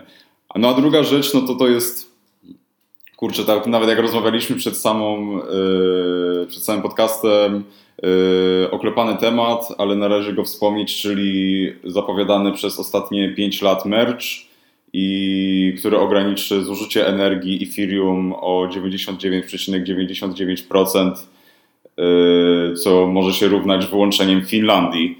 Yy, jakby był jakiś przycisk on-off, to, to oni właśnie to zrobili, ograniczając jakieś kalendarnie duże ilości yy, zużycia CO2 globalnie, co też będzie dużym sukcesem. I, ale co warto wspomnieć, że jakby ta optymalizacja z proof of work na proof of stake nie zoptymalizuje pod żadnym kątem szybkości oraz y, kosztów y, samego chaina. I tutaj wrzucam też y, może do Was rozkminę. Y, jak sądzicie, czy Ethereum sam sobie będzie się optymalizował?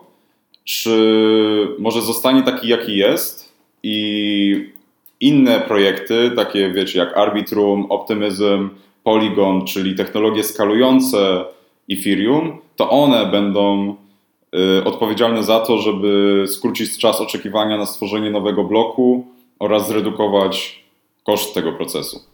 Nie wiem, czy będziemy o tym teraz dyskutować. Maćku, czy chcesz wysłuchać wszystkich y, pozytywów najpierw? Nie, nie, nie, nie. Bardziej chodziło mi o to, żeby nie wpaść w pułapkę skupiania się na złych rzeczach. O, może tak, tylko żeby zanim się skupimy na złych rzeczach, to żeby była przeciwwaga dla, yy, dla czegoś dobrego po prostu. Yy, w formie czegoś dobrego dla tych, tych złych rzeczy, bo jeżeli chodzi o złe rzeczy, to wiadomo, że FTX upadł. Było kupa haków, które y, omawialiśmy w naszym, w naszym nagraniu. I tak jak sobie o tym pomyśleć, to ten FTX, to, że upadł to jedno, ale kusi mnie, żeby nazwać go też takim hakiem, tylko że nie na protokół, tylko na ludzi, którzy go y, używali i gdyby tak, to on przyćmiewa y, o, roczny obrót na hakach w 2022, gdyby się y, do tego jakby posunąć, nie? No bo to był taki rok, gdzie przebijały się do publicznej informacji same złe rzeczy, głównie poza spadkami i łańcuszek nieszczęścia po prostu po, po terze i po, po wielu różnych y, bankructwach. I to jest taki. Zastanawiam się, jakie mądrości można z tego całego rocznego okresu wyciągnąć poza ja ci takimi, powiem, że. Co, no, ja sobie to no, spisałem, tak. naprawdę. Dobrze, że pytasz. Tak? Dobrze, że pytasz. W samą porę, tak? Już nie mogę się doczekać. Dobrze. Od, od, dokonaj odczytu. To też jest taki temat, który możemy popłynąć, a y, nie po to napisałem pięć kropeczek. Y, Dobra, chwal się Łukasz, zapytam, bo widzę, że, widzę, że już bardzo chcesz się z nami podzielić. A tak naprawdę to nie mówiliśmy się na to. Łukasz cały odcinek się powstrzymuje bardzo. i tak. krąży tak, dookoła, żeby, żeby, z, żeby ukryć, jak bardzo się nie może doczekać. I to, że tupię nogą i stukam palcami w stół, to nie znaczy, że się bardzo niecierpliwie. Dobrze. Nie, wiecie co, bo ja jestem piewcą takiej, takiej hipotezy, że trzeba w jakiś sposób pamiętać te rzeczy, które teraz się posypały i te rzeczy, które się popsuły, po to, żeby utrwalić to sobie, bo jak będą czasy, gdzie znowu przyjdzie hossa, to wszyscy za chwilę zapomną, bo nadpisze się to, te, te wszystkie takie jakieś y, blizny u większości nadpiszą się tym, że o dobra, tam walić to, że tutaj nie ma żadnego governance'u w tych spółkach, które robią jakąś tam scentralizowaną giełdę. Ważne, że możemy na tym wszyscy zarobić parę złotych, więc przymknijmy na to oczy. I teraz wydaje mi się, że takie rzeczy, które warto jest zapamiętać z tych sytuacji, które się wydarzyły w, mm, w zeszłym roku głównie, to jest to, że rzeczy trwają dużo dłużej, szczególnie w tym świecie technologii, niż się wszystkim wydaje. Ten wspomniany merch, y, który jest tutaj mostem y, od wypowiedzi Antoniego do mnie, to jest przykład na to, jak łatwo można nie doszacować, ile czasu coś zajmie. Przecież merch był zapowiadany od lat, od lat był już za rogiem i wydarzył się dopiero w ostatniej części zeszłego roku, tam chyba we wrześniu, jeżeli dobrze pamiętam.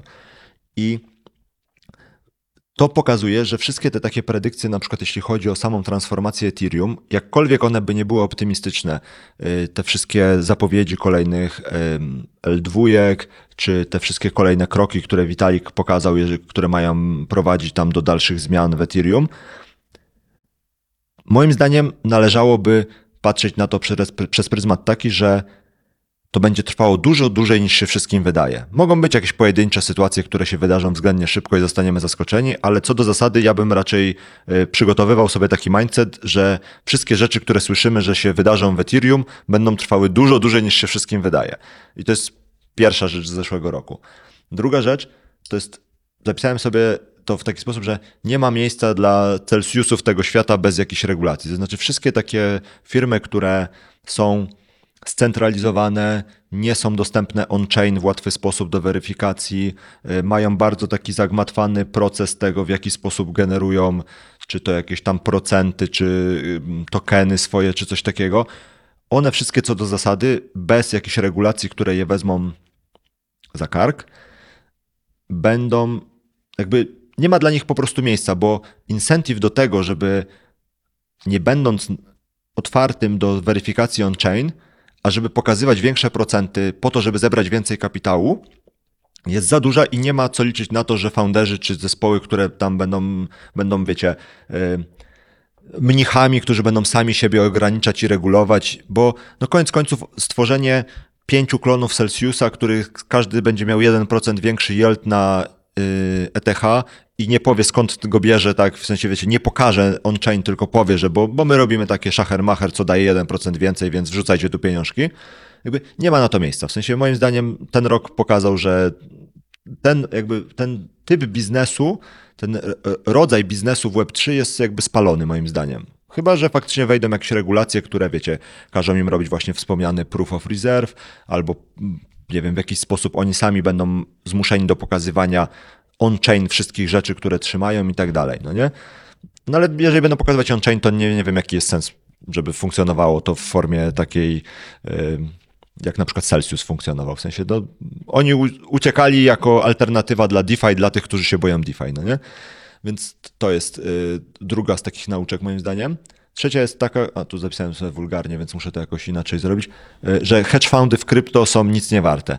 W sensie, jeżeli ktoś inwestuje duże środki, a już nie daj Boże, to są jakieś tam, wiecie, pension fundy albo jakieś inne fundusze uniwersyteckie, to jakakolwiek chęć korzystania z hedge fundów, hedge fundów, które są w krypto, to jest równie dobrze można prawdopodobnie wziąć te pieniądze i spalić w piecu, bo wszystkie znaki na niebie i ziemi pokazują, że ci ludzie, którzy byli tam tymi traderami, czy tymi zarządzającymi tymi funduszami, to, to był w najlepszym wypadku drugi sort traderów z innych firm, tylko takich, którzy się nie bali i po prostu nie mieli żadnych jakichś takich oporów przed tym, żeby wrzucać rzeczy w super ryzykowne rzeczy, albo prawie że wprost robili wałki, przekręty i manipulowali rynkiem, który był po prostu niepłynny, a oni jako e, firmy, które miały, miały dużo środków, no, mogły się tam bawić. No w sensie, no wiecie, no jeżeli no te, te, te historie, które wypłynęły przy FTX-ie, że oni tam mieli, nie pamiętam, tam 90% y, jednego z projektów na Solanie, y, wszystkich coinów, które były tam tokenów, więc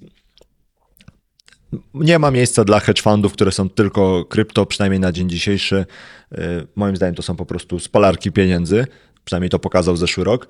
I to są firmy, które co najlepsze nie przetrwały po prostu pierwszej nadarzającej się bessy, no nie?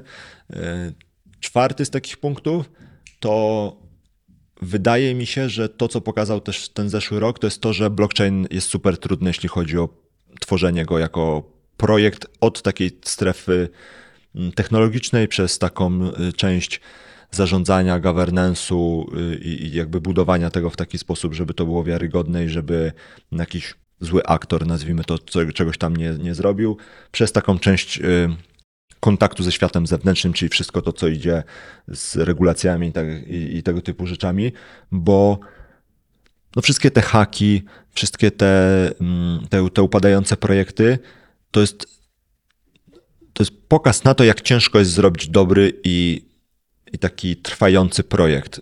Czy to będzie chain, czy to będzie jakiś, jakaś apka. W sensie Wydaje się, że to jest super proste, bo wystarczy zrobić forka, forka i y, postawić na nowym chainie i pokazać ładną stronę z dużymi yieldami, ale rzeczywistość pokazuje, że to jest dobre tylko na czas hossy i tej takiej hossy, y, jej szczytowej formy, bo w każdym innym wypadku te projekty jakby po prostu są uber trudne do tego, żeby się nie wykoleiły pod względem takim, że choćby ktoś się schakuje, no nie? Albo że ktoś się schakuje nawet nie technicznie, co schakuje je pod kątem tego, że skupi tokeny z rynku i przegłosuje, że wszyscy mają mu oddać jego tokeny, czy tam jakieś tego typu historie, no nie? I ostatnia rzecz, którą sobie zapisałem, to jest y, taki punkt o tym, że nic nie jest tak ważne w tym świecie, przynajmniej na dzień dzisiejszy na to wszystko wskazuje, jak reputacja i twarz ludzi, którzy tworzą te projekty i to, żeby oni mieli faktycznie tą reputację nieskażoną. To znaczy, yy, śmialiśmy się już kiedyś z Maćkiem, że no jakby taka zasada, yy, prawo ulicy mówi, że im bardziej bezczelny i pewny siebie jest founder, tym większa jest szansa, że ten projekt się wysypie w którymś momencie. I teraz wydaje mi się, że dokładnie to pokazał ten rok, że tą reputację buduje się latami i nawet drobne jakieś przesłanki na to, że ktoś nie do końca jest takiej konstrukcji, jak sobie myśleliśmy albo chcielibyśmy, żeby był, to jest już powód na to, żeby to jakby trafił na jakąś taką czerwoną listę z naklejką, że to są projekty zagrożone, projekt kogoś takiego, no nie? Bo no bo te, te, te wspomniane wcześniej incentywy we wszystkich projektach są takie, że tam są po prostu kosmiczne pieniądze, które jest super łatwo wyciągnąć i naprawdę trzeba mieć, nie wiem, jaki charakter i jakie podejście, żeby mogąc to wszystko zrobić, potem nic z tym nie zrobić, no nie? I żeby jeszcze prowadzić to w taki sposób, żeby to było ogólnie dobre dla dobra projektu, a nie żeby przy okazji obdarować kilku znajomych dużą ilością gotówki, a, a, albo w jakiś inny sposób sobie tam, wiecie, zadość uczynić za trudy tworzenia tego projektu. To są moje punkciki. Powiedzcie panowie, czy macie jakiś komentarz do nich, albo chcielibyście się z którymś po nie zgadzać. Adwocem do czwartego, że y, się wydaje, że to jest tylko proste. Łukaszu, mi się wydaje, że to tobie się wydaje, że wszystkim się wydaje, że to jest proste. Bo to tobie się, Maćku, wydaje, że mi się wydaje, że wszystkim się wydaje. tak, bo wydaje mi się, że jednak twórcom się nie wydaje, że to jest proste. Y, to, że są klony i prosto zrobić klona, to jest jedno, ale wydaje mi się, mi się, Maćkowi, y, wydaje, że twórcom się nie wydaje, że to jest proste. Że chyba nie jest takie jolo, y, mimo wszystko w projektach i być może to tak wygląda z boku, ale tak wewnętrznie nie czuję, żeby y, była taka nonszalancja w budowaniu projektów, a tam, gdzie są y, objawy tej nonszalancji w upadłych projektach, to ona wynika z zupełnie czego innego niż y, nonszalancja na przykład związana z kodem. Także nie mam na to twardych dowodów, tak jak ty nie masz na to twardych dowodów, że tak jest. To jest bardziej mój nos, który tak może trochę w obronie stanę. To jest takie moje słowo, słowo komentarza szybkiego. Ja bym chciał się odnieść do piątego punktu na temat founderów, bo ty powiedziałeś, że ich reputacja powinna być nieskazitelna. A ja bym chciał, żeby w tym świecie Web3 nie było showmenów, takich jak właśnie był SBF trochę, tak jak był Dokłon, który bardzo kontrowersyjne tezy stawiał, takim trochę teraz, którym jest CZ. I to jest moja obawa na 2023 rok, że ten człowiek nie jest taki, jak nam się wszystkim wydaje. I może to być za nim czarna historia, którą y, umiejętnie kryje. Dla mnie na przykład y, dwójka funderów, którzy są tacy właśnie nie showmeni, ale tacy prawdziwi builderzy, to jest Stani Kuleczow, który stworzył protokół AWE oraz teraz stworzył niedawno wypuścił protokół Lens Protocol, który ma zrewolucjonizować social media, a drugi to jest Aleksej, kurczę, nazwiska teraz nie pamiętam, ale on jest founderem Chainlink. I wiecie, i to są programiści, którzy wykazują prawdziwą pasję do Web3, robią zdecentralizowane rozwiązania, a jednocześnie yy, właśnie nie są showmenami. I moim zdaniem to ci founderzy będą tworzyć taki zrównoważony rozwój tego całego ekosystemu. Ale nie muszą być wcale nieskazitelni. Okej. Okay. Ale to myślisz, że jakby się okazało, że któryś z tych, y, czy, czy Stanley, czy, czy Aleksiej, tak, y, że któryś z nich miałby jakąś taką takie wątpliwe e, wystąpienie albo jakieś takie, zacząłby głosić takie dziwne poglądy, to to nie byłby taka lampka, że ok, zmykamy z jakiegoś AWE, czy, czy Chainlink zaczyna być potencjalnie projektem bardzo podwyższonego ryzyka? W sensie oni muszą bardzo mocno ważyć swoje słowa, no bo stoją za projektem, który ma kapitalizację rynkową w miliardach dolarów. Oni nie mogą sobie, wiecie, skakać jak taki founder startupu, który jest warty tam, nie wiem, pół miliona dolców yy, i, i głosić kontrowersyjne tezy. Więc jakby coś wyszło, wiadomo, jak coś wyjdzie, że robią same oszustwa, szwindle i ten całe AWE to jest oparte na kradzionych pieniądzach, no to wiadomo, że to się położy. Ale nie chcę funderów, którzy są głośni. Wolę tych cichych, którzy robią swoje. Tak, ta, taka, jest moja, ta, taka jest moja optymistyczna predykcja na 2023. A nie sprzedaje się tym cichym trochę gorzej swoich wizji? Bo wiesz, ja mam taką tezę, ja tutaj będę.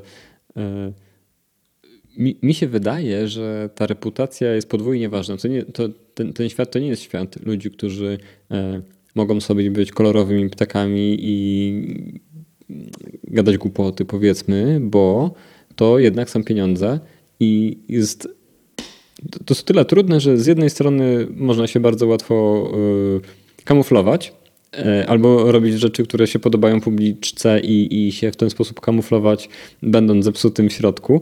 Z drugiej strony można nie zabierać głosu i to też jest trudne budować firmę.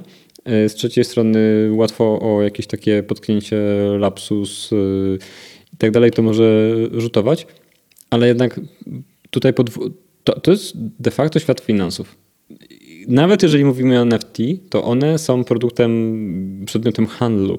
Więc za każdym razem de facto, czego by tutaj nie dotknąć, mówimy o pieniądzach, a dlatego tak ważna moim zdaniem jest ta reputacja, o której Łukasz mówił, przez to, że to jest takie bardzo asymetryczne.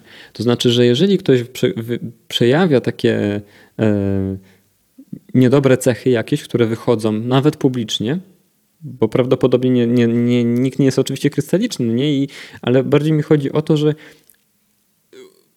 osiągając pewnego rodzaju sukces już, łatwo mieć sztab ludzi, którzy pilnują ciebie po prostu i cię kontrolują, żebyś ty nie zrobił czegoś głupiego publicznie. Jeżeli ludzie robią rzeczy, które są jakieś takie kontrowersyjne publicznie, albo one mają takie cechy, powiedzmy, negatywne, to tym bardziej jest to silny sygnał do tego, żeby uważać na dany projekt po prostu, bo ktoś kogoś nie powstrzymał przed pisaniem głupot w internecie publicznie pod, pod nazwiskiem foundera. Więc tym bardziej jest to czerwona flaga, bo jeżeli się coś, jeżeli się coś zepsuje, no to stawka jest o, o wszystko, co tam masz. Więc jak tam masz nie za dużo, to cię to nie, nie rusza. Jak masz tam dużo, to, to, to wtedy jest problem, nie? E, tak, właśnie Macie, powiedz mi, co byś na przykład powiedział e, na temat osoby Ilona Maska, tak, który no, wydaje mi się, że niezaprzeczalnie możemy się tutaj... Z... Nic. Odma... Pomidor. Ale wiem, powiem pomidor. Nie chcę w to wchodzić, bo on, y, wiesz, taki jest dosyć y, kontrowersyjny i, i, i, kolorowy i nie jestem w żadnej pozycji, żeby móc komentować jego y, czy osiągnięcia, czy jakieś ruchy. Jestem absolutnie sceptyczny do mm, komentowania jego posunięć, bo nie mam zielonego pojęcia, co za nim stoi i mogę dorabiać teorię, że showmaństwo albo cokolwiek innego i będę w 100% za każdym razem cokolwiek nie powiem, będę w błędzie, więc nie zabiorę głosu. Znaczy, jakby Twitter był on-chain, to nie miałoby znaczenia, co pan Elon Musk powie, no nie? W sensie takim, że jakby wszystkie informacje, wiecie, no jakby hipotetyczna sytuacja, no jakby nie wydarzy się to. To zresztą też wynikało z tych rozmów, jak e, jakiś tam gość próbował nagrać e, Ilonowi spotkanie ze SBF-em, bo tam chciał zainwestować i on powiedział, dobra, mogę się z nim spotkać, ale nie chcę wchodzić w dyskusję na temat tego, żeby e, Twitter był na blockchainie, no nie? Ale właśnie jeżeli załóżmy, że Twitter byłby na blockchainie, to wszystko to, co by powiedział Elon Musk, miało być drugorzędne znaczenie pod kątem tego, czy on upada, czy nie upada i tak dalej. I dlatego na przykład ci founderzy, o ile founder Chainlinga, no to to jest firma, która jakąś część rzeczy ma on-chain, ale koniec końców, no to jest tam taki komponent tego, że musimy im zaufać, że oni tam czegoś nie zrobią. O tyle powiedzmy takie AWE, no to kurde, kod jest na powiedzmy GitHubie, wszystko jest on-chain. Nieważne co founderzy AWE będą mówić i opowiadać. Może być tak, że koniec końców mają nie za wiele do powiedzenia, no chyba, że mają po prostu, wiecie, tak dużo tokenów, które umożliwiają głosowanie, że w ten sposób są w stanie wpływać na protokół. Ale jeżeli tokeny byłyby rozdystrybuowane w taki sposób, że koniec końców jakieś community ma większość i ten człowiek nie może sam za dużo zrobić, no może robić fikołki, skakać w różnych kolorowych ubrankach i to nie będzie miało znaczenia, bo sam protokół będzie sobie funkcjonował, no nie? Ale to o dwóch różnych rzeczach mówisz, bo y, można mieć niepewność co do tego, w jakim stanie finansowym jest Twitter i okej, okay, to by rozwiązał y, blockchain, ale co do tego, w którym. No okej, okay, no ale jeżeli masz na przykład y, kontrolę nad protokołem, bo masz więcej tokenów niż wszyscy inni do kupy, no to możesz robić wszystko, co chcesz. I jak jesteś kolorowym ptakiem i masz dziwne pomysły, no to to będzie wpływało też na ocenę innych przez, wiesz, waluację tokena per sztuka, czy w ogóle twojej spółki pod kątem tego, czy to się nie wysypie, czy będzie używane przez innych, czy to nie będzie toksyczne miejsce, więc ten taki element polityczno, wiesz, y, społeczny zostanie, nawet jeżeli wszystko jest transparentne. No można rozliczać kogoś z tego, że nie mówi prawdy, bo ktoś, wiesz, podejrzy prawdę, nie? To tu się zgadzam. Ale pod kątem przyszłości i tego, co będzie, to dalej byś miał, wiesz, problemy. No ale, no ale wiesz, to minimalizuje w jakiś sposób yy, no, ogranicza potencjalny... O, znacznie, tak. tak. Tak, to, to jest jedyny sposób, który widzę na to, żeby Połowę projekty Web3... No tak, ale to mówię, wydaje mi się, że to jest jedyny sposób na to, żeby projekty Web3 nie musiały wisieć właśnie na founderze i jego reputacji, tak, jeżeli szukałbym jakiegoś rozwiązania.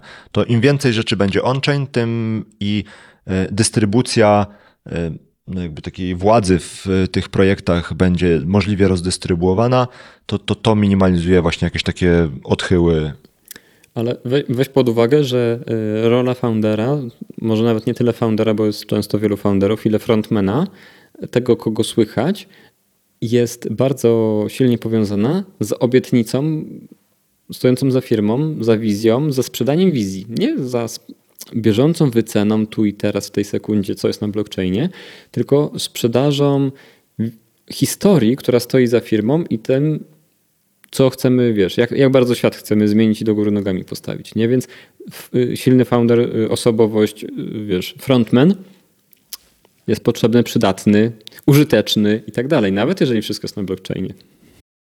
Powiedzmy jedno zdanie e, kończące tutaj, że wydaje mi się, że to jest bardzo mocne, też zależne od projektu i czym się to zajmuje. Bo załóżmy, nawet porównując to do tradycjonalnego świata i korporacji takiej jak Visa czy Mastercard. Nie mamy tutaj żadnego frontmana, a jest to system no, niezawodny, z którego korzysta każdy na świecie i po prostu jest super, tak? Z kolei mamy tutaj Tesla, gdzie mamy frontmana fantastycznego, który w jakiś tutaj sposób wyhypował tak, tą modę, użyteczność. E, powiedzmy, tutaj nie będziemy rozmawiać, czy, czy Tesla jest dobrą marką, czy też nie, ale sprawił właśnie dzięki swojej osobowości, że ta firma jest uznawana. Więc tak wydaje mi się, że w gruncie rzeczy, tak samo jak w tradycyjnym świecie, jak i w Web3, ważna jest tutaj wizja i przeznaczenie projektu, do którego to się odwołuje. Tak? Jeżeli będą to projekty w Web3 związane z NFT, e, nie wiem, metaversem, prowadzeniem różnych ko koncertów przykładowo, będzie potrzebna osoba, która to rozpromuje, rozpopularyzuje, żeby tą wizję po prostu jak najbardziej rozprzestrzenić, tak? Ale gdy znajdziemy jednego, załóżmy jakiegoś matematyka, który stworzy genialny wzór na, nie wiem, przyspieszenie internetu, powiedzmy, to to po prostu samo w sobie ta użyteczność znajdzie swoich odbiorców. Tak już zbliżając się ku końcowi, powiedzcie proszę panowie tak w dwóch, trzech zdaniach, jakbym mógł każdego z was poprosić, czego się spodziewacie albo czego byście sobie życzyli na 2023? Martin, zaczniemy od ciebie może. Jesteś po mojej lewej. czego sobie życzę. Może najpierw e, coś sobie życzę. Taka moja predykcja, jakie będą trendy na 23 rok. Więc mi się wydaje, że w świecie galopującej inflacji, ludzi, powiedzmy, którzy będą szukali nowych sposobów, żeby gdzieś tych pieniędzy troszeczkę zarobić, znaleźć jakąś alternatywę do powiedzmy depozytów bankowych słabo oprocentowanych, będzie to czas DeFi. I mamy już to potwierdzenie płynące z rynków azjatyckich e, i powiedzmy też troszeczkę Afryki, gdzie adopcja tych DeFi jest powszechna i bardzo popularna.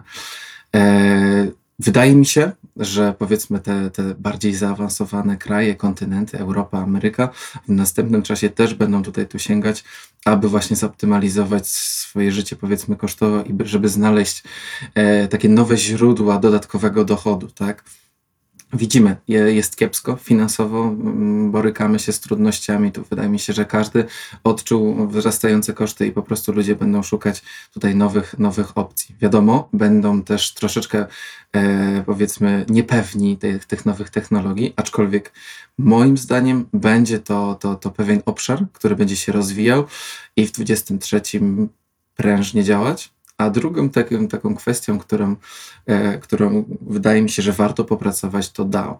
W 22 DAO e, miało już swoje początki, powstało bardzo dużo fajnych różnych organizacji, które prowadzą właśnie w taki e, zdecentralizowany e, sposób swoje aktywności, nie tylko chociażby przy, przy budowaniu jakiejś aplikacji czy supportowaniu jakichś produktów, ale też jako grupy tworzące albo zbierające jakieś społeczności, tak? Mamy DAO artystów, którzy spotykają się tworząc w jakimś poszczególnym poszczególnym nurcie, tak? Mamy też muzyków, mamy też ludzi po prostu z zawodu, którzy pomagają sobie w na ścieżce kariery. Wydaje mi się, że to też będzie bardzo fajna kwestia na ten nadchodzący rok.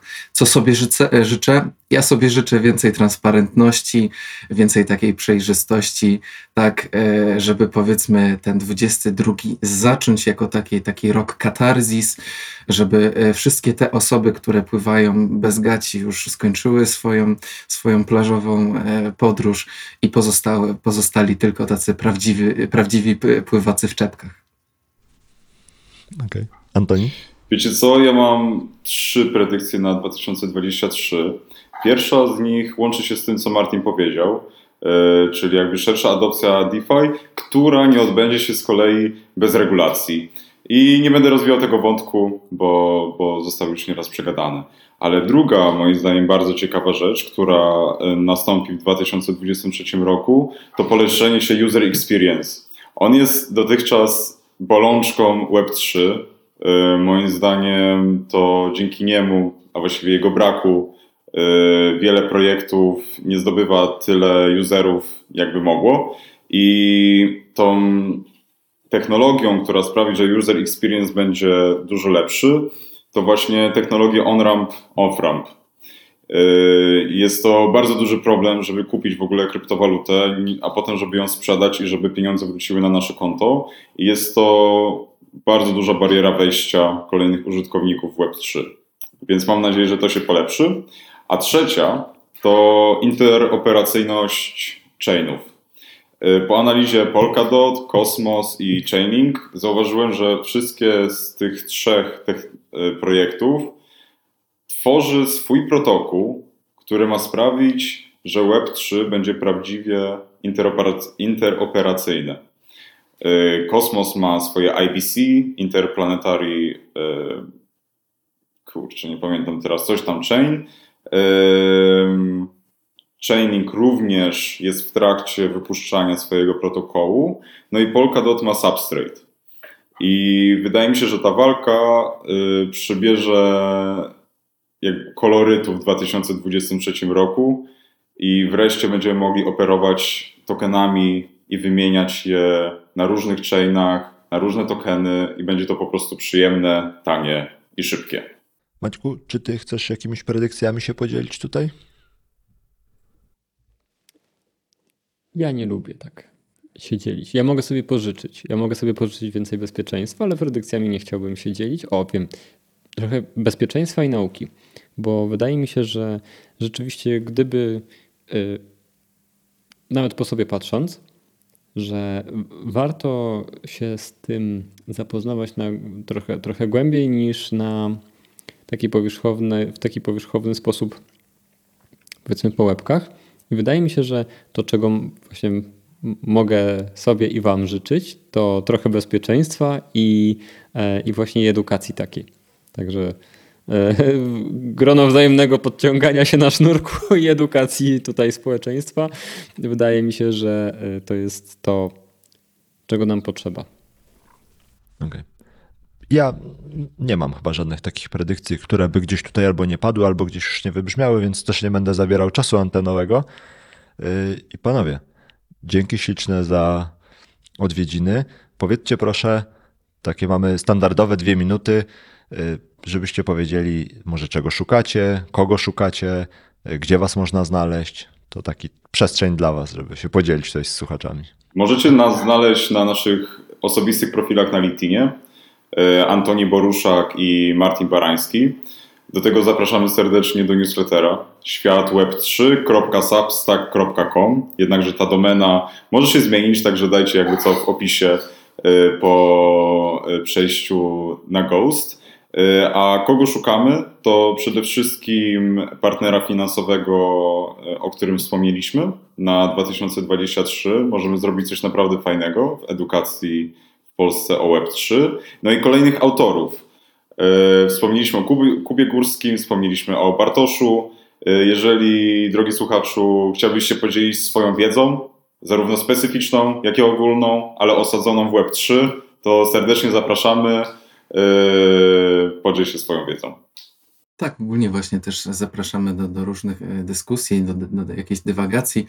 E, Staramy się zbudować też takie, takie community e, wokół Web3, w którym pasjonaci e, tej nowej technologii się zgromadzą i będą mogli wspólnie właśnie się edukować. Tak? Nasze, nasze wspólne życzenie na następny rok, czyli ta edukacja, też nam właśnie na tym zależy, żeby e, e, kształcić to społeczeństwo na takie bardziej świadome i bardziej obeznane z, tym, z tymi najnowszymi poczynaniami, tak, odkryciami, jakie niesie ze sobą ta technologia i cały ten blockchain. Okej. To wszystkie linki postaram się zebrać i wrzucić do opisu odcinka, żeby nikt się nie, nie pomylił i trafił we właściwe miejsca. I co? Jeszcze raz dzięki śliczne za, za dyskusję i opowiedzenie, jak powstaje newsletter i za tą taką e, dość chaotyczną, ale mam nadzieję, że wnoszącą coś do polskojęzycznego internetu dyskusję na temat zeszłego albo bardziej mijającego roku i przyszłego roku. Co? Do zobaczenia, do usłyszenia. Może na żywo na jakimś evencie. Trzymajcie się, panowie. Dzięki panowie.